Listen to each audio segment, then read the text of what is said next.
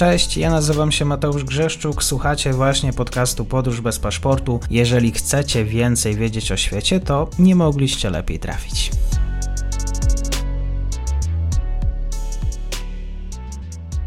Dzień dobry Państwu, dzień dobry wszystkim słuchaczom. Dzisiaj jesteśmy w krajach e, Ameryki Łacińskiej. Ze mną jest dr Michał Stelmach, Katedra Studiów Latynoamerykańskich i Porównawczych Uniwersytet Łódzki. Kłaniam się, dzień dobry.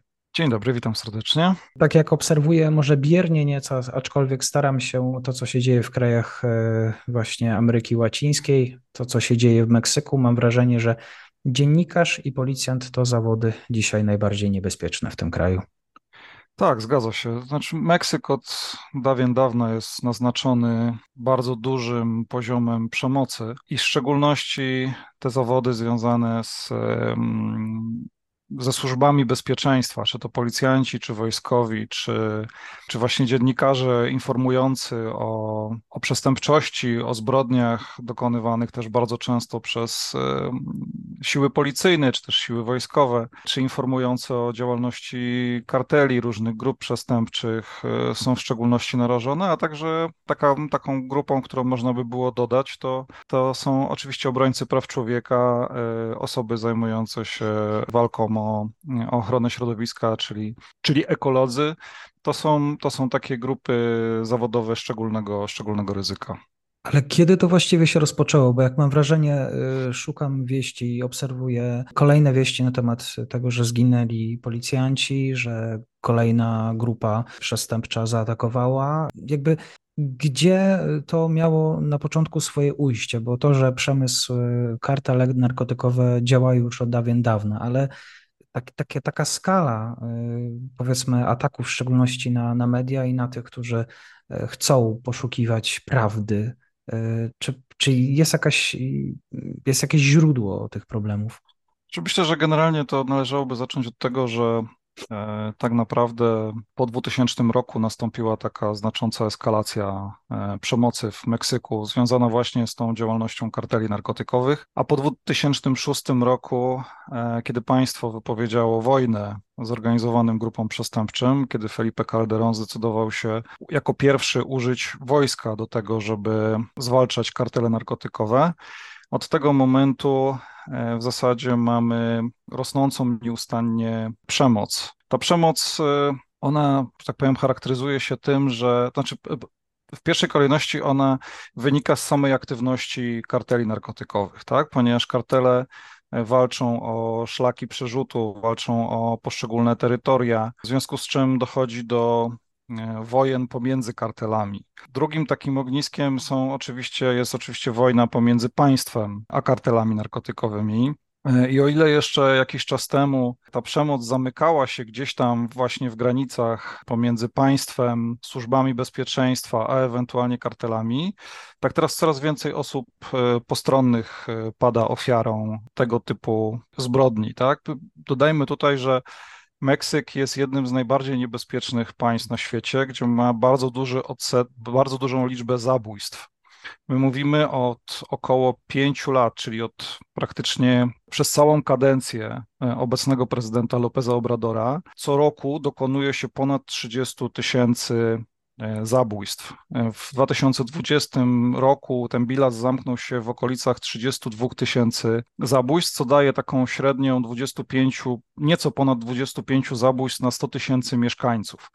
To oznacza, że Meksyk, w którym formalnie mm, jest demokracja, jest pokój, e, jest krajem, w którym ginie więcej ludzi niż w krajach afrykańskich, na przykład w których toczy się wojna domowa które są w e, jakimś e, takim mm, konflikcie zbrojnym. W związku z tym to trzeba mieć na uwadze, że, że no ta, a, a ta liczba zabójstw po prostu też generuje olbrzymie poczucie strachu wśród, wśród społeczeństwa. I to jest jak gdyby jeden taki, myślę, wymiar. Drugi wymiar to jest taki i powód tej, tej przemocy jest taki, że właśnie zaczęto od 2006 roku używać wojska do zwalczania grup przestępczych. Postępująca militaryzacja praktycznie za każdego prezydenta już po 2006 roku prowadziła do wzrostu przemocy i do wzrostu łamania praw człowieka, bo wojsko nie jest szkolone do tego, e, żeby pacyfikować protesty, żeby zwalczać grupy przestępcze, żeby walczyć z obywatelami, jest szkolone do tego, żeby walczyć, żeby walczyć z jakimś nieznanym wrogiem spoza kraju. Natomiast władze wobec niewydolności policji zdecydowały się sięgnąć po taki instrument ostateczny, a mianowicie po, po siły zbrojne, które w tej chwili w okresie rządów Calderona już 80 tysięcy, ponad 80 tysięcy żołnierzy e, pilnuje e, porządku publicznego, tak? Czyli wykonuje takie stricte zadania wewnętrzne i ten katalog ich uprawnień coraz większym stopniu się poszerza, bo to już nie jest tylko walka z przestępczością zorganizowaną, ale nawet łapanie takich, takich pospolitych przestępców. W związku z czym to świadczy o takiej bezradności państwa i o niewydolności instytucji e, policyjnych i wszystkie organizacje broniące praw człowieka, e, czy to Amnesty International, czy Human Rights Watch, czy jakieś, czy jakieś meksykańskie po prostu podkreślają, że wraz z militaryzacją pogarsza się stan przestrzegania praw człowieka, tych przypadków mm, tortur, wymuszonych zaginięć, porwań, zabójstw, egzekucji pozasądowych wykonywanych przez e, funkcjonariuszy bezpieczeństwa publicznego e, jest z roku na rok e, coraz więcej. Mhm. I trzeba też przyznać, że każda władza, która by nie doszła, konkretny premier, obiecuje poprawę. To znaczy, że chyba w agendzie politycznej, też w trakcie wyborów jest to ważna dyskusja. Przez lata raczej zmieniło się niewiele. Tak, no trudno się dziwić, że w kraju, w którym ginie tyle osób, y, w którym ta przemoc jest zjawiskiem powszechnym, y, y, tematyka bezpieczeństwa publicznego jest jednym z głównych tematów kampanii wyborczych. Zawsze. I każdy kolejny prezydent proponuje najpierw może inaczej.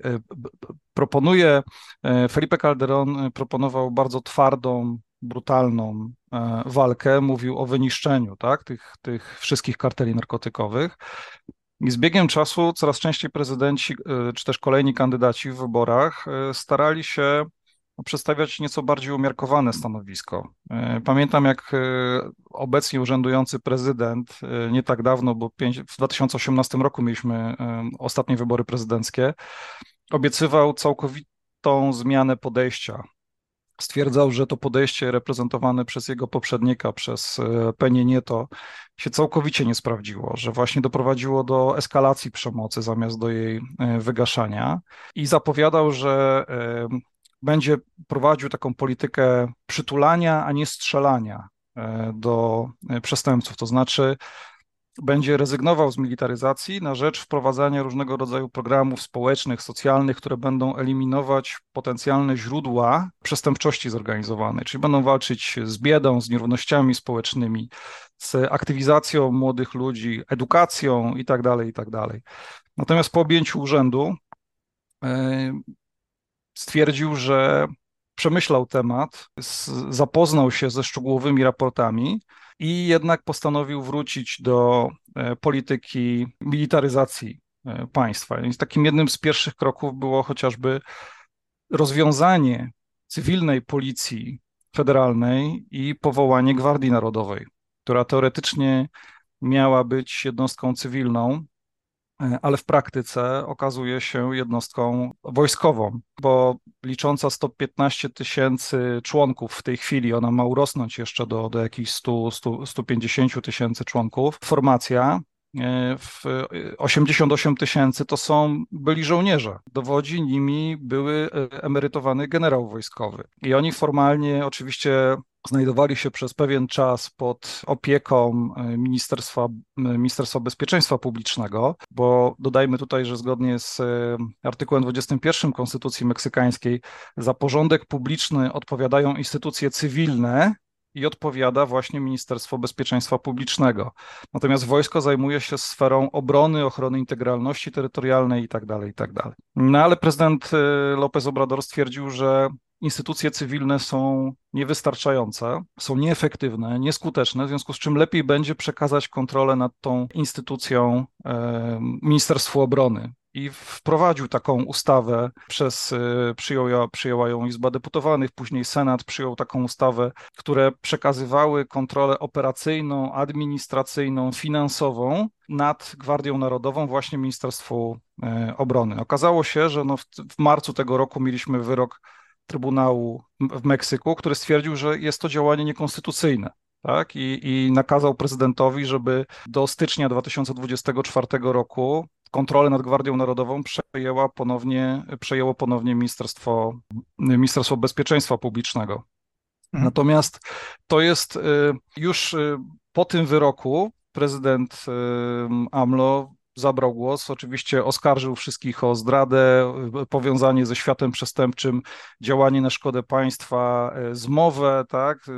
On ma taki, taki przekaz, w którym walczy z tym tak zwanym deep state, czyli właśnie chce, chce przeciąć te wszystkie powiązania korupcyjne. No i teraz już obiecał Meksykanom, że E, na miesiąc przed upływem swojej kadencji, czyli to będzie październik 2024 roku, a przypomnijmy, że wcześniej będą wybory do Izby, Morena zdobędzie taką liczbę głosów, e, która pozwoli zmienić konstytucję. Czyli gra będzie się toczyła tak naprawdę o 334 głosy w e, Izbie Deputowanych, po to, żeby zmienić konstytucję, żeby już żaden trybunał nie mógł tej Gwardii Narodowej poddać pod zwierzchnictwo Ministerstwa Bezpieczeństwa Publicznego. Więc y, to jest jak gdyby taki kolejny krok w kierunku militaryzowania tej, tej wojny, no bo to jest jednostka, która ma struktury wojskowe, członków wojskowych, dowództwo wojskowe, będzie się cieszyła takimi samymi przywilejami, jak cieszy się y, wojsko, czyli będzie mogło w dużej stopniu liczyć na, na bezkarność. I to jest jak gdyby taki kolejny niebezpieczny krok, który prezydent wykonał i który będzie starał się e, umocnić e, w mhm. kolejnych, w kolejnych latach. A może zadam jeszcze z innej pytanie. Może ta wojna z narkotykami była całkowicie niepotrzebna? Wypowiedzenie tej wojny, rozjuszyć przeciwnika? No tak, tylko e, z drugiej strony można sobie zadać pytanie, co, mm, co zrobić. No, za bardzo się z grupami przestępczymi negocjować nie da, bo to nie przynosi żadnych dobrych, e, żadnych dobrych efektów. E, z, z gangami negocjowali e, przy, przywódcy Salwadoru chociażby. Takie negocjacje toczyły się też na Jamajce czy w, czy w Brazylii swego czasu. I to nigdy państwo dobrze na tym nie wychodzi. Moim zdaniem troszeczkę zawodzi strategia, bo pamiętajmy, że od Calderona mieliśmy do czynienia z taką strategią polegającą na wyłapywaniu tych wszystkich ważnych bossów, e, postaci, e, e, liderów po prostu karteli. No i teraz mamy do czynienia z, z taką sytuacją, że złapanie takiego lidera najczęściej powoduje jakąś próżnię, którą kolejne kartele starają się wypełnić, to znaczy one to odczytują jako słabość danego kartelu. I od razu rozpoczyna się wojna o przejęcie terytorium. To wystarczy zobaczyć, co się działo w przypadku złapania Ovidio Guzmana nie tak dawno temu przecież, kiedy udało się go wreszcie złapać. Mieliśmy kilka, dwa dni, dwa dni tak naprawdę e, wojny e, pomiędzy państwem a kartelami narkotykowymi. Już tym razem Felipe Cardelon się nie wycofał, bo przypomnijmy, że w 2019 roku, kiedy po raz pierwszy złapano Ovidio Guzmana, po chyba dwóch albo czterech godzinach prezydent AMLO stwierdził, że trzeba go wypuścić, żeby nie doszło do, do większego rozlewu krwi. E, tym razem państwo się nie ugięło. Toczy się w tej chwili proces ekstradycyjny, co też jest e, ciekawą rzeczą, bo Ovidio Guzman stwierdza, że nie jest tym człowiekiem, o którego Stany Zjednoczone chcą E, do siebie sprowadzić, żeby go postawić przed sąd, czyli zaprzecza jak gdyby swojej tożsamości, zaprzecza temu, że jest e, synem e, Joaquina Guzmana, znanego jako El Chapo. No i, ale to jest jak gdyby jeden wątek. I w tym momencie, kiedy Ovidio został złapany, kartel nowej generacji z Jalisco już zaczął atakować terytoria opanowane przez Sinaloa. A przypomnijmy, że kartel Sinaloa to jest e, jeden z takich głównych karteli eksportujących w tej chwili amfetaminy do Stanów Zjednoczonych, czy eksportujących też fentanyl, od którego w Stanach Zjednoczonych zmarło ponad 70 tysięcy osób w ciągu ostatniego roku, tak? Więc gra toczy się o szlaki przerzutowe i czy to w Baja California, czy w w innych stanach takich kluczowych, e, tuż e, przygranicznych e, ze Stanami Zjednoczonymi, ta wojna trwa. I to zazwyczaj jest tak, że, że po prostu złapanie tego lidera, czy go zabicie, czy mm, skazanie, posadzenie gdzieś w więzieniu powoduje, że no, powstaje taka próżnia. Te kartele się dzieją, dzielą bardzo często. Pojawiają się odłamy, więc z jednego kartelu powstają dwa. Albo cztery. Mamy w tej chwili do czynienia z sytuacją, gdzie mamy tak naprawdę chyba z pięć takich poważnych karteli narkotykowych. To jest właśnie kartel nowej generacji Jalisco, to jest, to, to jest kartel Sinaloa, który jest też wewnętrznie podzielony, bo mamy synów El Chapo, i mamy, e, mamy drugą, drugą e, frakcję, które też walczą między sobą o terytoria, więc nawet w ramach jednego kartelu potrafią się toczyć wojny.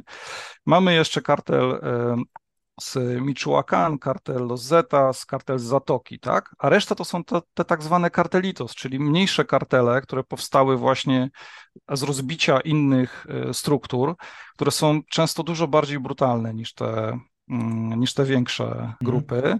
I to tak naprawdę generuje nam jeszcze większy chaos w kraju.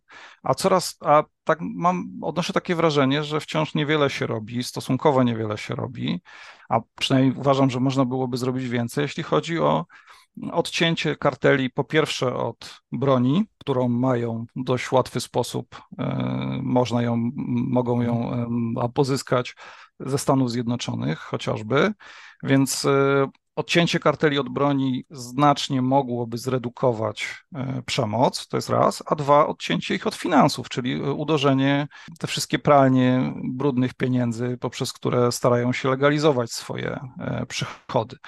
Nie jest to proste, ponieważ no, poziom korupcji w samym Meksyku jest bardzo wysoki.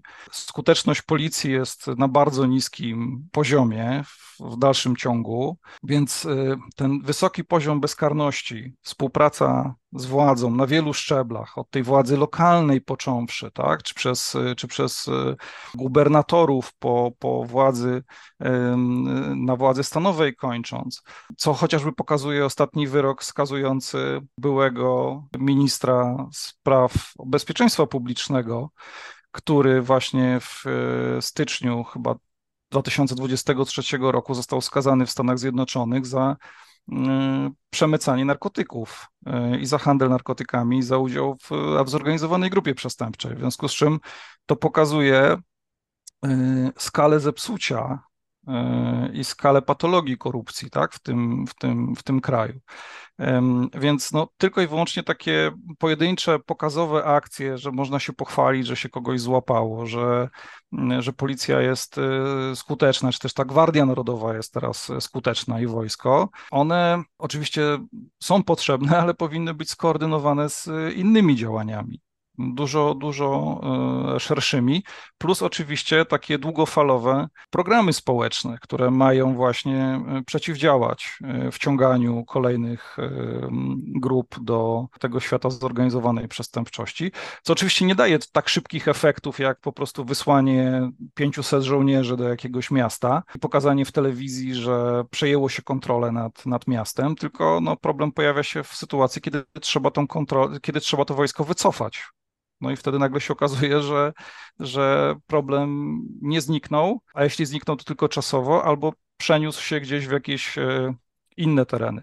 Poza tym jest jeszcze mhm. jedna ważna rzecz, e, to znaczy takie zaostrzanie polityki w jednym z państwie powoduje, że cierpią najczęściej państwa sąsiednie, to znaczy kartele coraz aktywniej, w zasadzie od 2006 roku, jak poczuły naciski ze strony państwa zaczęły rozprzestrzeniać się na inne państwa słabe, w Ameryce Środkowej chociażby. Gwatemala jest takim najlepszym e, przykładem, bo tam koszty prowadzenia ich działalności są jeszcze mniejsze, bo, bo państwo jest jeszcze słabsze. Mhm.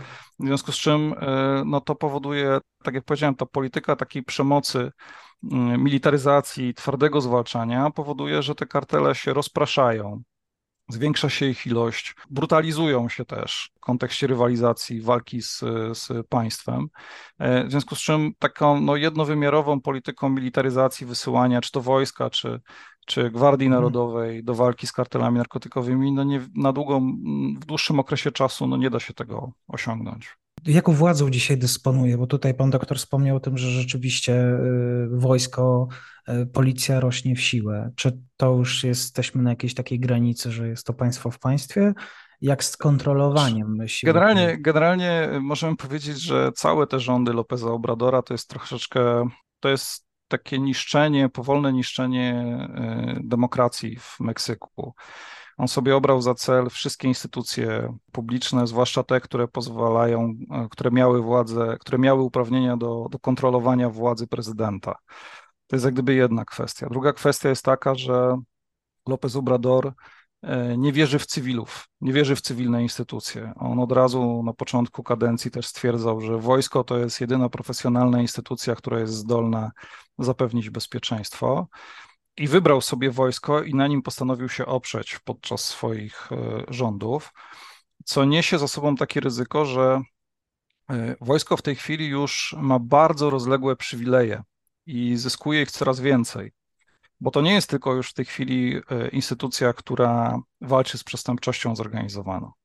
To jest też instytucja na przykład, która, która buduje i będzie administrowała portem lotniczym nowo budowanym w mieście Meksyk. E, ma kompetencje administracyjne, finansowe w zakresie budowania kolei Tren Maya na na, na Półwyspie Yucatan. Olbrzymi, gigantyczny projekt. Będzie czerpała też z niego, będzie miała po prostu wpływy do, mm, do, swojego, do swojego budżetu z tej, z tej kolei. Rozszerzyły się uprawnienia, zwłaszcza w okresie pandemii, znaczy wojsko było wykorzystywane do dostarczania leków, e, żywności i tak dalej i od tego momentu też e, e, zwiększa swoje uprawnienia. Ba, co więcej, tak jeszcze, żeby dodać troszeczkę, można powiedzieć, że e, wojsko też odpowiada za zakładanie oddziałów takich banków, poprzez które rząd wypłaca świadczenia socjalne. Meksykanom, więc no, to jest jak gdyby no, bardzo duże uprawnienie, niespotykane. I teraz większość e, specjalistów, e, analityków, badaczy zastanawia się, czy ten proces da się odwrócić. Bo w tej chwili e, Felipe, bo w tej chwili AMLO przedłużył obecność wojska na ulicach i udział w walce z przestępczością zorganizowaną do 2028 roku. A w 2024 roku będą wybory, czyli kolejny prezydent no, będzie musiał zmierzyć się z rosnącą pozycją wojska. E, no i jest pytanie, czy tak dobrze, e, że tak powiem, e, czy ci wojskowi, którzy zyskali już takie przywileje, którzy mają taką władzę, takie możliwości, czy oni będą chcieli do tych koszar wrócić? Czy nie powtórzą, to są bardzo zasadne pytania o to, czy przypadkiem nie zechcą sięgnąć gdzieś tam w kolejnych latach po władzę albo mieć wpływ na to, kto rządzi i w jaki sposób rządzić, po to, żeby bronić swoich, e, swoich przywilejów. Gdzie są wszystkim obywatele w takim razie?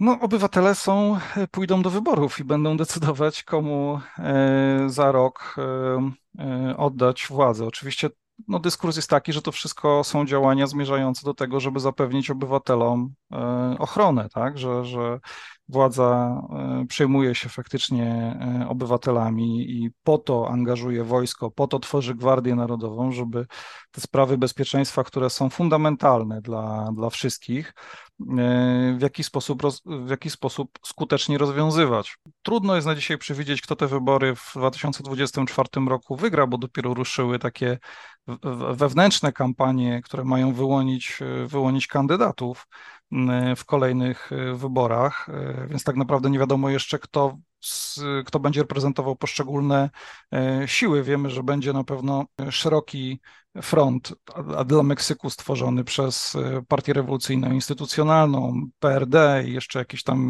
mniejsze partie. No i na pewno Morena też wystawi swojego kandydata, czyli partia z ramienia której rządzi w tej chwili AMLO. Może Stany Zjednoczone, jak zawsze.